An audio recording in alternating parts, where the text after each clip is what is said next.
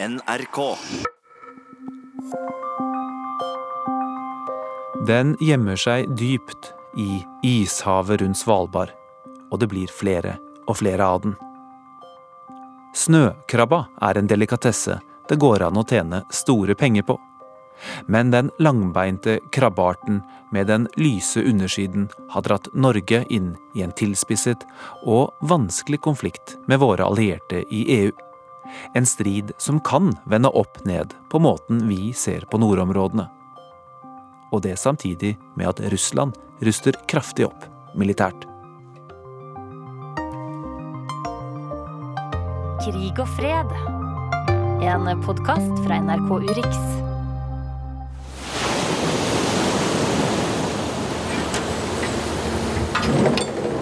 Det seks timer lange skiftet har nettopp begynt på dekket på krabbebåten Tromsbass.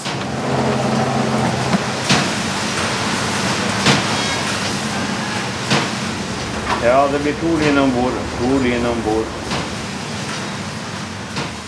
Det er, det er jo det som slår en når en kommer ut på disse havområdene, hvor enormt digert det er. Da forstår man jo kanskje litt mer av konflikten også. At eh, det dreier seg jo ikke om småtterier. Det dreier seg jo om enorme havområder, enorme ressurser og enorme fremtidige mulige ressurser. Jeg er Jan Espen Kruse. Jeg er journalist i NRKs utenriksredaksjon. Hvordan kommer man seg ut på en krabbetråler midt i Barentshavet? Det viste seg at grunnen til at praktisk talt ingen journalister har vært ute og dokumentert dette, her, det er jo at det er håpløst vanskelig å komme seg ut. For disse krabbebåtene de er jo ute på havet i åtte, ti, tolv uker av gangen. Av og til mer. Og eh, ingen journalist eh, kan jo sitte der ute og skvulpe eh, så lenge. Så eh, jeg I sin tid var jeg russisk tolk i Kystvakta på en plikttjeneste. Så, så, jeg har vært et halvt år ute i Barentshavet på, på Kystvakta og inspisert eh, russiske trålere. Det gjorde at jeg tenkte på Kystvakta. Så jeg ringte dit og så spurte jeg, kan dere hjelpe meg, kan jeg få haik med dere i Kystvakta eh, ut i Barentshavet til en krabbebåt? Og så sa de ja, vi skal tenke på det. Og etter et par uker så kom de tilbake og så sa de jo, hvis du stiller i Longyearbyen den datoen klokka 16, så kan du bli med oss ut en krabbebåt. Så setter vi deg over i den. Og, og, så tar vi deg opp igjen eh, når du måtte være ferdig med jobben. Og så frakter vi deg ned til Tromsø. Det var andre også da, jeg må jo, som skulle være med. Noen fra eh, Fiskeridepartementet, noen fra Havforskningsinstituttet. Jeg skal ikke late som Så det var ikke en sånn eskortetjeneste som var helt personlig? Nei, ikke helt personlig, men det var eh, veldig, veldig flott. Da tok det altså to døgn på eh, kystvaktbåten ut fra Longyearbyen til eh, sør i eh, fiskevernsonen rundt Svalbard, hvor dette fisket pågår nå. Og så var det tre døgn ned derfra til Tromsø gjennom kystvakt. Snøkrabba, hva er det som er så attraktivt med den? Den er sabla god å spise. Altså, den kan jo sammenlignes med kongekrabba. Nordmenn flest kjenner jo til kongekrabba, men snøkrabba er mindre. Kongekrabba den formerer seg nær kysten, mens snøkrabba har den egenskapen at den kan formere seg ute på relativt dype havområder. Og Derfor sprer den seg gradvis nordover og vestover, og altså nærmere og nærmere Svalbard. Den er veldig ettertraktet i Japan. Det er dit det mesteparten går. Fiskerne får omtrent 130-40-50 kroner kiloen for disse klørne. Kjøttet er veldig flott. Det er saftig når det er tilberedt på riktig måte. Det har en litt sånn søtaktig smak. Det kan brukes naturell, det kan brukes i sånne sushi-ruller. Det kan brukes i, i salater. Altså muligheten for å lage delikat mat av dette er veldig stor. Og fikk dere, når du var ute på turen, fikk du smake? Eh, Eller blir alt frosset ned og forsvinner? Nei, eh, jeg fikk smake.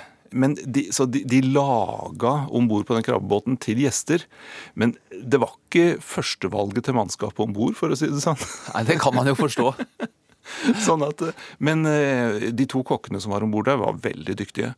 Eh, båten Tromsbas er navnet. Og eh, de disket opp for at jeg skulle få smake på dette her i forskjellige varianter. Og det, det var Det er jo klart det er helt spesielt når, når, du har nettopp fått råvaren opp fra havet, og, og koker den riktig og lager utsøkte retter av det. All parties in, uh, signatories of the treaty should have equal access to natural resources. There's no other way around it. You either uh, allow that equal access, or you're breaking the law. Norge er suveren til å utstede eh, lisenser eh, i forhold til snøkrabbe. Både innenfor eh, Svalbardtraktaten, men særlig når det gjelder norsk kontinentalsokkel, altså utenfor 12 mil. Men så er det jo også da en eh, konflikt her. Eh, fordi Norge fisker disse snøkrabbene alene og nekter EU å fiske, eller fiskebåter fra EU å fiske der. Eh, hvordan, hvordan henger dette sammen? Norge opprettet eh, altså en fiskerivernsone rundt Svalbard. Det var et grep som ikke veldig mange andre land har, eh, har akseptert, godkjent skal man sette det litt på spissen, så kan man kanskje si at Norge foretok en liten frekkis her med å si at eh, OK, Svalbardtraktaten slår fast at eh, alt, all næringsutvinning på øyriket Alle landene som har undertegnet Svalbardtraktaten, har lik rett til dette her, til å utvinne ressurser. Men så sier Norge at den retten gjelder bare ut til tolv nautiske mil. Alt som er utenfor 12 nautiske mil, det er eh, noe spesielt. Og der har Norge helt suverene rettigheter eh, til å bestemme hvem som har lov til å utnytte. Så Derfor sier Norge at det er kun vi som har lov til å utstede lisenser for fiske av snøkrabbe i denne fiskevernsonen. Eh, og så, så, sier EU at ja, men hallo, alle EU-land som har undertegnet Svalbardtraktaten, har ikke de like rettigheter? Er det ikke det som står i traktaten? Skal den ikke forstås sånn at eh, vi også har rett til å utstede lisenser for fiske av snøkrabbe i, i denne sonen? Det er EUs standpunkt, at de har det. Mens Norge sier blankt nei. Det er en masse komplisert juss rundt eh, dette her.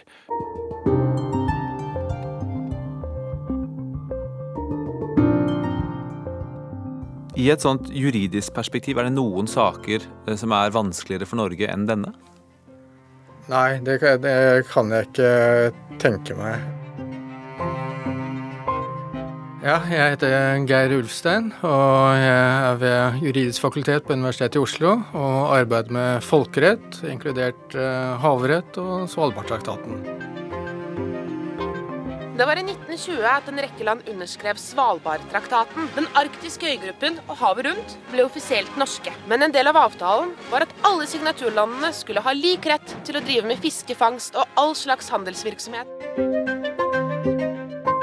Svalbardtraktaten, hva er den? Det er en eh, avtale som nå omfatter 40 eh, land, som ble inngått eh, ved Versailles-freden i 1920 etter første verdenskrig. Og den feirer jo eh, to, nei, 100-årsjubileum eh, om to år. Så det er en avtale som ble inngått, og hvor Norge fikk suvereniteten over Svalbard, og hvor andre land fikk visse rettigheter. Og De viktigste rettighetene er at Norge ikke kan diskriminere. Norge må likebehandle nordmenn og andre lands borgere. Og Det store spørsmålet nå det er jo om den traktaten gjelder i havområdene rundt Svalbard, om den gjelder i den 200 mils eh, fiskevernsonen, og om den gjelder på kontinentalsokkelen rundt Svalbard.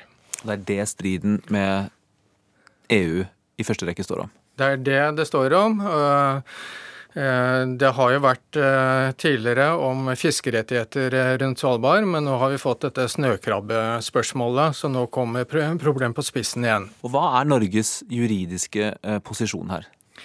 Ja, Norge mener at andre land ikke har rettigheter på, i 200-milssonen rundt Svalbard og på kontinentalsokkelen rundt Svalbard. Norge sier for det første at uh, i traktaten så står det at andre land har rettigheter i det som heter territorialfarvannet, som bare går ut til tolv mil. Og For det andre så sier Norge at uh, Norge har en sammenhengende sokkel som går fra fastlandet og rundt Svalbard. Sånn at uh, der gjelder de samme reglene som gjelder på fastlandssokkelen. Så andre stater har ikke rettigheter der heller. Og til det svarer EU? Til det svarer EU, og til dels andre land, uh, Russland også, at de er uenige. De mener at denne traktaten, som ble inngått i 1920, som sagt, Eh, ikke kunne forutse den nye utviklingen med kontinentalsokkel og 200 mil sone. Så derfor må man tolke traktaten ut fra formålet. At når Norge utvider sine rettigheter, så må andre lands rettigheter også utvides tilsvarende. Altså at uh, traktaten gjelder på, i 200-milssonen og på kontinentalsokkelen, og dermed at andre stater har rettigheter, og Norge kan ikke diskriminere i disse områdene. Den latviske båten 'Senator' oppbrakt til Kirkenes for ulovlig fiske på norsk kontinentalsokkel. Ulovlig, mener i alle fall norske myndigheter. Det går allerede en rettssak i det norske rettsapparatet. Rederne bak den latviske krabbefiskebåten Senator vil ikke godta boten de blir ilagt for snøkrabbefiske. I løpet av året kan norsk høyesterett komme med en av sine viktigste avgjørelser noensinne. Vi har en lagmannsrettsdom mot, eh, i den såkalte senatorsaken. Og nå er det spørsmålet om den havner for Høyesterett, og hvor Høyesterett må ta stilling til disse rettslige spørsmålene. Eh, dette har vært oppe for Høyesterett tre ganger tidligere, ikke, for, ikke når det gjelder snøkrabbe, men når det gjelder fiske rundt Svalbard. Men da har Høyesterett kommet seg unna på den måten at uh, Høyesterett har sagt at uh, den måten reguleringen er utformet på, uh, er ikke diskriminerende. Så dermed har ikke Høyesterett trengt å ta stilling til om traktaten gjelder i disse områdene. Men når det gjelder snøkrabbe, så er det vanskeligere for Høyesterett å bruke den muligheten. Så da blir det spørsmålet om vi for første gang får en uh, høyesterettsdom som tar stilling til om Svalbardtraktaten gjelder i dette området.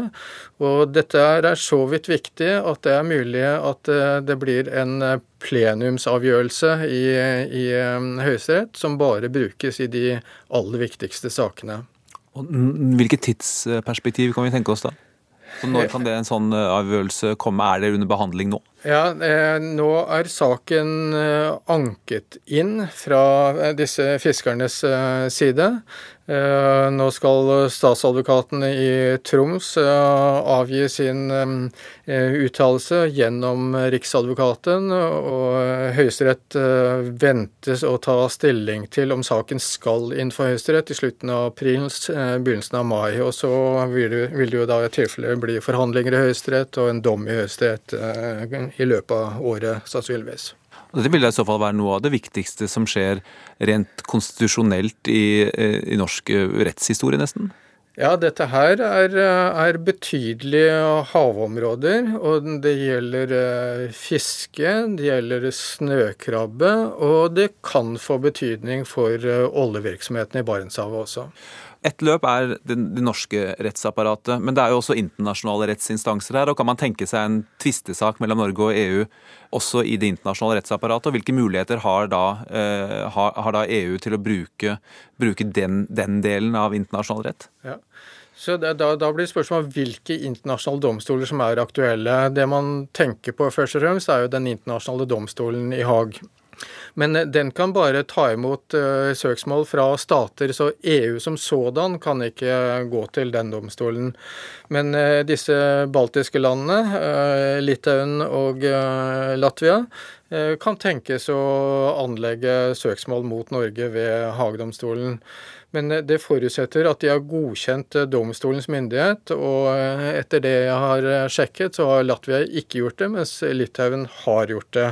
Sånn at for dem så, så vil det være en mulighet. Og, Norge har akseptert domstolens myndighet. Og Hvordan vurderer du juridisk de to uh, argumentasjonsrekkene fra EUs side og fra Norges side? Nei, dette er et uh, tvilsomt tvilsomt juridisk spørsmål. Så det er ikke opplagt hva en internasjonal domstol vil komme til. Sånn at begge parter risikerer noe ved å ta saken til, til en internasjonal domstol. Ja, det er klart. Eh, I nord så eh, er man skeptisk til at eh, andre land, EU inkludert, kommer opp hit, tar ut ressurser og frakter det bort ifra, ifra Barentshavet. Jeg er Thomas Nilsen, redaktør for nettavisa Barents Observer.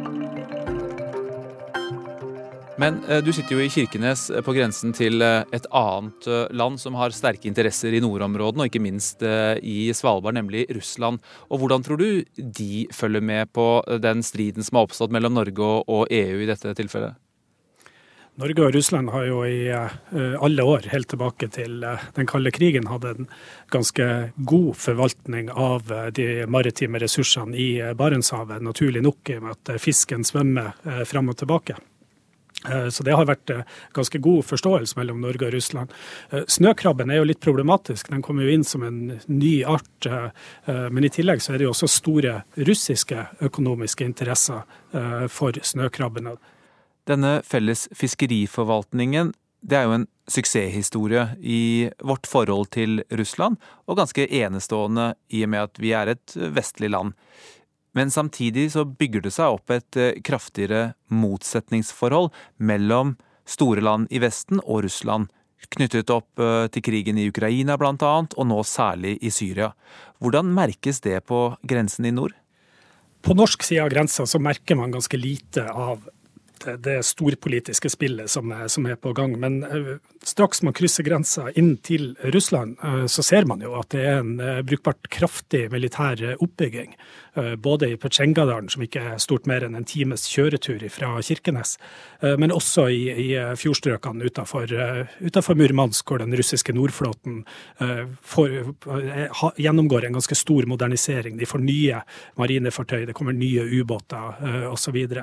så hvis man ikke ønsker å se det store bildet, så, så virker det ganske rolig og stille på, på kaikanten i Kirkenes og i områdene rundt der. Men, men her er det veldig mye som foregår eh, under vann med ubåttrafikk eh, og store militærøvelser på, på, russisk side av, eh, av grensa. Og nettopp det at de bygger opp Nordflåten kombinert med Svalbards beliggenhet, gjør jo situasjonen om mulig enda mer betent. Ja, og særlig da når vi kan lese i uh, Rossiskaja Gazeta, som er en av Russlands regjeringsorganaviser, at uh, Svalbard defineres som et område som av det russiske sikkerhetsrådet kanskje ses på som et potensielt område hvor det faktisk kan utvikle seg en, en militær konflikt mellom Russland og Nato. De nevnte Kyrilene mot Japan, de nevnte Krimhalvøya Eh, mot Svartehavet. Og så nevnte de Svalbard da, eh, som, som, et mulig militært konfliktområde. Og det, det er første gang liksom, at uh, vi har sett så offisielle uttalelser fra Russland som, som antyder at det her kan bli en, en konflikt. Og det er uh, urovekkende. Nå, nå, skal det dog sies at eh, det har jo vært ganske mye retorikk fra både russiske politikere og fra enkelte russiske medier de siste årene. Så uh, man skal kanskje ikke frykte nødvendigvis at det her eh, blir en konflikt fort, men at det er uh, at Norges posisjon med grenseområdene inn mot, uh, mot Russland, de store havområdene vi har, og, og, Arktis da med Svalbard og, og omkringliggende farvann, at det er er helt klart et, et område som eh, ikke går fri av den eh, litt sånn intense situasjonen da, som er i ferd med å utvikle seg mellom eh, øst og vest i negativ retning. Og det aktualiserer jo både betydningen av nordområdene på, på godt og vondt, egentlig? Ja, det gjør jo det. Det har jo vært uh, Fra det norske utenriksdepartementet så har man jo likt å fremstille nordområdene Man bruker å si når man er i internasjonale uh, diplomatiske møter at high north, low tension, altså det høye nord, men det, det la, la, lavspenningsområdet den setninga er nok ikke veldig karakteristisk for dagens 2018-situasjon i nord. Det er en økende spenning også oppi her. Ikke nødvendigvis fordi at forholdet Norge-Russland eh, bilateralt i nord er, er, dårlig, men fordi at vi er en del av et større internasjonalt bilde, hvor nordområdene i en potensiell konflikt er veldig viktig militært. Eh, været skifter veldig fort. Kulingen kommer og går. Det var sterk kuling på det meste da jeg var ute. og, og det Altså, eh, det er jo knallharde forhold som disse folka jobber under. Eh, minus åtte grader kan være til minus 20 der. Snø, kraftig vind, ising. Og, og, og de, de, som jobber med å ta opp tegnene, står altså ute på dekk. Eh, det er Seks timer av gangen er skiftet på. Og det er bare mildt sagt utrolig harde arbeidsforhold. Og de gjør det samme, de samme bevegelsene hele tiden. Eh, selv om, eh, selv om altså dekket beveger seg kraftig i bølgene, selv om sjøsprøyten står. altså de, de du, du, ser disse tøffingene med, med snø og is i, i øyenbryna, i ansiktet. altså. Jan Espen Kruse, du har ikke bare vært ute på en uh, krabbefisketråler i Barentshavet. Du er også påtroppende korrespondent for NRK i Moskva.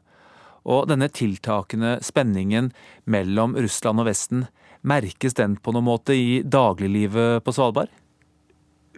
Når man er på Svalbard, så er, jo, er jo, folk opptatt av de daglige ting, stort sett. Eh, og det er et veldig eksotisk sted å være. Det utvikles eh, turisme der i rasende fart.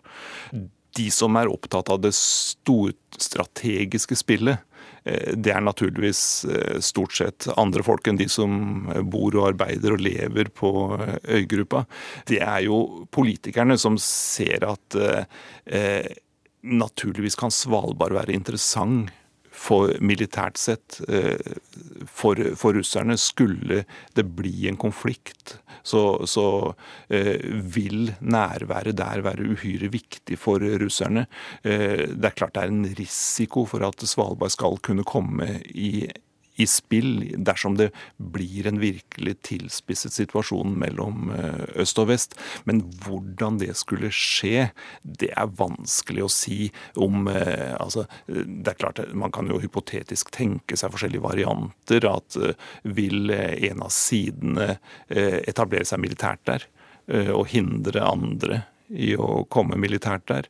Eh, hvilken militær betydning vil det kunne bli eh, maktkamper rundt Svalbard? Eh, det er mye viktigere enn det folk flest er klar over. Men disse tingene er det jo de militære og politikerne som må gripe an dersom situasjonen virkelig skulle bli dramatisk tilspissa. Mm. Men når man er der, så er det ikke det, det er veldig til stede i folks bevissthet? Nei. Det er ikke det. Det er, eh, det er et fabelaktig sted å besøke.